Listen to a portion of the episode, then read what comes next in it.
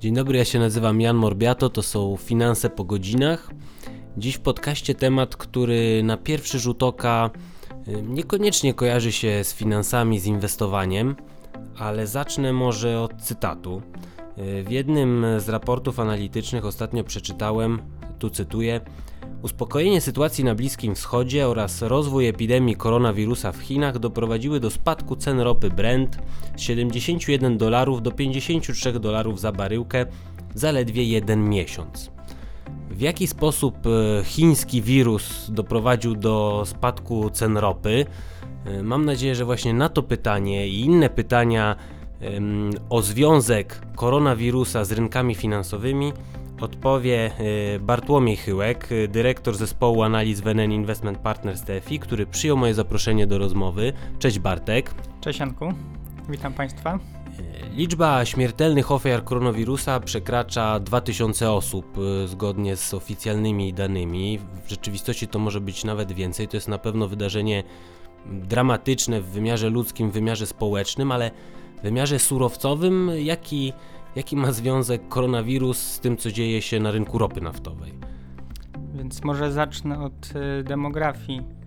E, Chiny to mniej więcej 20% e, populacji globu. Zakładamy, że jednak Chiny są średnio mniej rozwinięte niż inne państwa, szczególnie te z rynków rozwiniętych, więc myślę, że tutaj możemy łatwą matematykę zrobić i E, konsumpcja niektórych surowców raczej jest mniejsza niż e, liczba populacji. Pewnie mówimy między 10 a 15%. Akurat w przypadku e, ropy naftowej jest to 15% globalnej konsumpcji. Myślę, że sytuację mamy taką, że za ostatnie kilka lat, jeżeli spojrzymy sobie na to, jak rynek e, obserwował każdą konferencję e, OPEC-u. E, mowa była tam o tym, czy OPEC podwyższy albo obniży dzienny limit produkcyjny od 1% do 1,5%. Z ostatnich danych wiemy, że konsumpcja ropy w Chinach mogła nawet spaść w ostatnich tygodniach z tych 15 do 10%, więc mamy tutaj wydarzenie bez pre precedensu. Jeżeli właśnie w OPEC-u mówiliśmy o procencie może dwóch, to tu mówimy o czterech, więc ten wpływ y, może wydawać się mały, jednak rynki surowcowe patrzą na marginalną konsumpcję czy marginalną produkcję i ruchy cen są y, zwielokrotnione. Czyli ten przestój w produkcji w Chinach to jest po prostu ten e, przekaźnik, tak? To stąd się bierze ten e, spadek e, popytu na tak, ropę naftową. zgadza się. Wiele przedsiębiorstw tak naprawdę po świętach, które miały miejsce pod koniec stycznia, jeszcze nie wznowiło produkcji, a wielu pracowników po prostu siedzi w domach. Chiny są e, fabryką świata. Jeżeli ta sytuacja ma wpływ na rynek ropy naftowej, no można sobie wyobrazić, że w ogóle ma też wpływ na całą światową e, gospodarkę. Czy możemy jakoś spróbować oszacować, jak ta epidemia wpłynie na wzrost gospodarczy światowy w tym roku?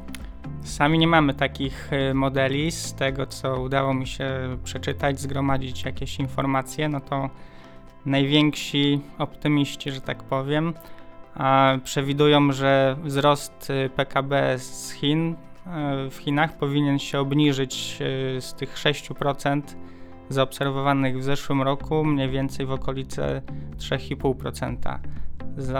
Najwięksi pesymiści szacują, że tak naprawdę chińska gospodarka może się nawet skurczyć w tym roku, więc wpływ na światowy wzrost gospodarczy może być e, spokojnie szacowany pewnie między 0,5% a nawet cały procent. To jednak taka spora skala. Czy to też wpłynie na polską gospodarkę? Na chwilę obecną yy, zobaczymy jeszcze, jak sytuacja się rozwinie. Na pewno niepokoją dane z bieżącego tygodnia e, gdzie dotarłem do takiej informacji, że sprzedaż samochodów w samych Chinach za pierwsze dwa tygodnie lutego to jest minus 90% licząc rok do roku, więc ta, ta, ta liczba tak trochę może nawet przerażać. A jeżeli popatrzymy sobie na polską gospodarkę, no to my jesteśmy jednak e, dostawcą części dla większości fabryk w Niemczech, które to fabryki wysyłają dalej swoje produkty, między innymi do Chin.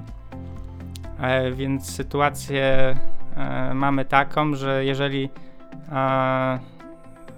wirusa nie da się opanować pewnie w przeciągu dwóch do czterech tygodni, to i polskie przedsiębiorstwa e, zaczną e, odczuwać tutaj skutki. Na pierwszy, powiedzmy, ogień pójdą pewnie te przedsiębiorstwa przemysłowe, szczególnie z, e, związane z branżą produkcji samochodów. Czyli te, dla których pośrednio Chiny są rynkiem zbytu, a nie te, które w Chinach. No, generalnie jesteśmy jako Polska, możemy tak nas trochę skatalogować jako poddostawca E, czy części jakichś pewnych podzespołów, więc w całym łańcuchu e, oczywiście się tam znajdujemy gdzieś niżej, no ale jeżeli sytuacja będzie się e, przeciągała, to rzeczywiście może to też mocno uderzyć w polską gospodarkę. Są też firmy, które w Chinach zamawiają właśnie jakieś podzespoły, półprodukty do rzeczy, które wytwarzają tutaj w Polsce. I teraz pytanie, bo wspomniałeś o tym przestoju w produkcji chińskiej, które trwa już powiedzmy 2-3 tygodnie, nawet nie licząc chińskiego Nowego Roku. I na, jakie, na jaki przestój się to tutaj w Polsce przełoży? Czy to też dla tych firm, które produkują na podstawie półproduktów z Chin, to będą 2-3 tygodnie, czy to będzie, nie wiem, kilka miesięcy, tak? Y, tutaj może powiem tak, że największą ekspozycję z tytułu importu to mają spółki detaliczne, szczególnie spółki y, odzieżowe i obuwnicze. Część spółek wydawała już komunikaty, czy, czy opowiadała o sytuacji bieżącej na spotkaniach podczas wyników za czwarty kwartał. I, i część spółek uspokajała, że po prostu towar E, już doszedł. E, sklepy są towarowane na ten sezon wiosna-lato. E, no nie we wszystkich spółkach pewnie tak, tak to wygląda jak, jak u liderów, ale myślę, że pewien problem może wystąpić. Tutaj bardziej mówimy pewnie o kolekcji letniej niż wiosennej.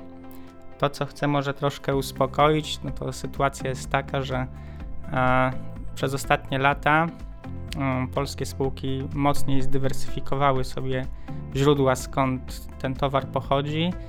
E, kilka lat temu Chiny odpowiadały pewnie za 80-90% importu w niektórych spółkach, a ten odsetek e, spadł mniej więcej do 30% e, za zeszły rok. No i tutaj dla mnie e, dużym, dużym znakiem zapytania jest to, czy e, ta epidemia e, przeniesie się na inne azjatyckie kraje.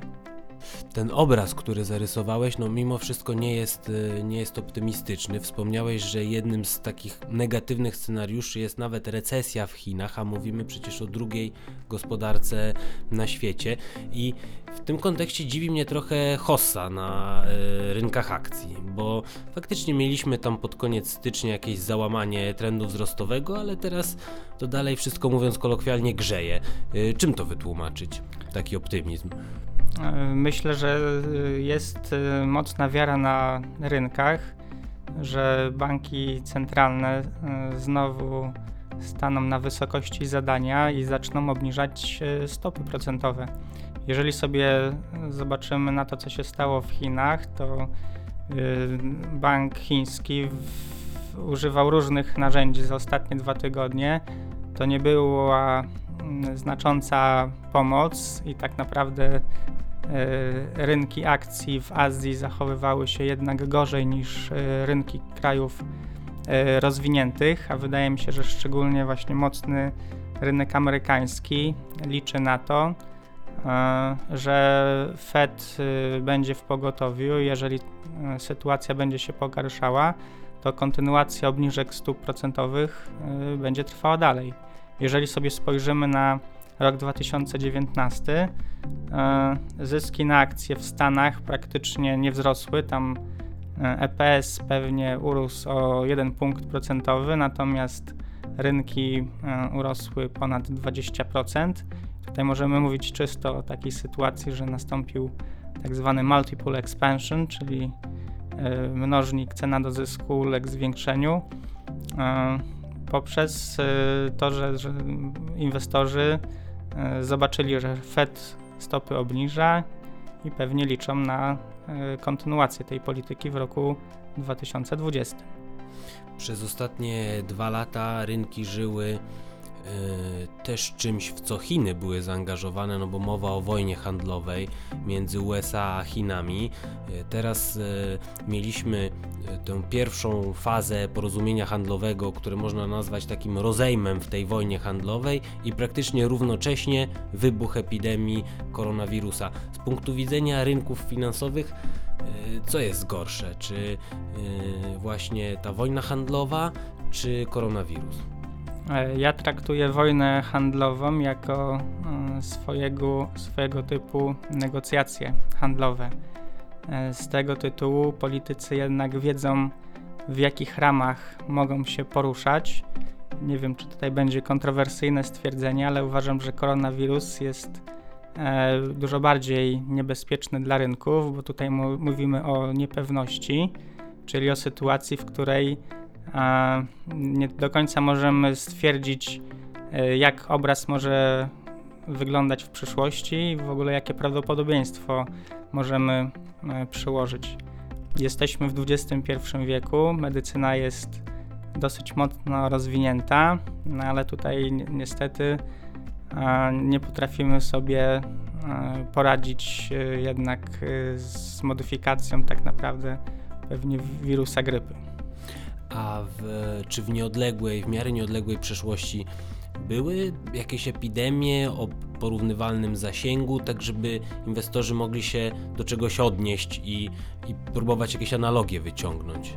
No też mieliśmy powiedzmy w roku 2002 do czynienia z tak zwaną epidemią SARS, czyli takim y, ostrym zapaleniem płuc przeczytałem taki jeden artykuł, że właśnie mm, yy, ludzie yy, żyjący w Azji mają dodatkowy gen, który nie występuje u, u, innych nacji, są szczególnie narażeni właśnie na wirusy, które atakują układ oddechowy, czy, czy nawet węzie i płuca.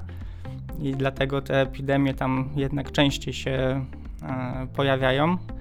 E, I sytuację tak naprawdę teraz mamy jednak dużo bardziej poważną, bo liczba zarażonych, jak i liczba zgonów podczas teraz epidemii koronawirusa już przekroczyły te wskaźniki, gdzie, gdzie SARS trwał tak naprawdę przez dwa sezony grypowe, rok 2002 i 2003. E, no, co mnie niepokoi, że tak naprawdę władze Chin tak y, szybko i drastycznie zaczęły reagować. Tak naprawdę już w styczniu mieliśmy informacje o tym, że y, pewne miasta czy prowincje zostaną praktycznie odseparowane od y, reszty kraju.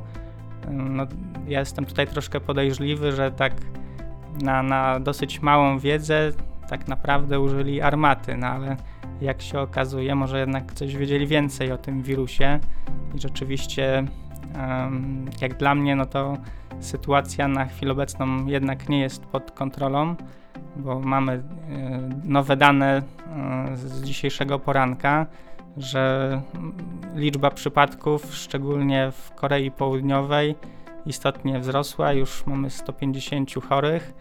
Zobaczymy, jak w innych krajach e, sytuacja będzie się rozwijała w ciągu najbliższego tygodnia lub dwóch. I na co ty właśnie teraz e, jako inwestor zwracasz uwagę? Na to liczbę zachorowań, nie wiem, na to czy szczepionka zostanie wymyślona? Co, co tutaj, jakie mogą być takie przełomowe wydarzenia z punktu widzenia tej całej sytuacji, tej, tej epidemii? No, dla mnie będzie właśnie obserwacja, na ile w innych krajach yy, będziemy mieli yy, liczbę nowych yy, przypadków. Na nieszczęście być może później i zgonów. Liczba zachorowań w Chinach wydaje się, że się ustabilizowała na tam poziomie 1,5 tysiąca dziennie. Patrząc na po prostu zwykłe inne wirusy grypy w poszczególnych latach, no to ten wirus nie wydaje się jakiś tam szczególnie e, groźny. E, pewnie nie, nie we wszystkich krajach są takie statystyki prowadzone jak liczba zgonów przez wirusa grypy co roku. No, no, ale sytuacja jest taka, że ten, ten wirus dużo łatwiej się e, rozprzestrzenia, przechodzi z e, chorego na, na, na zdrową osobę bo to nie jest tylko y, droga kropelkowa, czyli bezpośredni kontakt, ale ten wirus też się może utrzymywać przez kilka dni w powietrzu, czy, czy nawet na innych rzeczach codziennego użytku, więc tak naprawdę możemy się dużo, dużo łatwiej zarazić. Y, I tak jak powiedziałem, y, zobaczymy w ciągu tygodnia, jak y, sytuacja szczególnie będzie się rozwijała w Korei Południowej czy też w Iranie, bo tutaj też widziałem, że dosyć duży skok zachorowań był w ciągu ostatnich dwóch dni. Czyli czy mamy rękę na pulsie w e, dziale inwestycji NN Investment Partners TFI? Pozostaje sobie życzyć, żeby ta sytuacja jakoś została opanowana, nawet nie tyle z punktu widzenia inwestycyjnego, ale w ogóle właśnie ludzkiego, e, światowego. Dziękuję Ci bardzo Bartku za rozmowę. Dziękuję Janku. E, Moim gościem w podcaście był Bartłomiej Chyłek, dyrektor zespołu analiz NN Investment Partners TFI. Rozmawialiśmy o e, wpływie koronawirusa na rynki finansowe, na gospodarkę. Kolejne finanse po godzinach już e, 30 marca. E, Poza tym już niedługo wystartujemy z nowym formatem, z takimi podcastami, w których będziemy odpowiadali na, na Wasze pytania, na pytania o inwestycje, o fundusze inwestycyjne, o finanse osobiste, mm, generalnie o inwestowaniu. Szczegóły wkrótce. Do usłyszenia.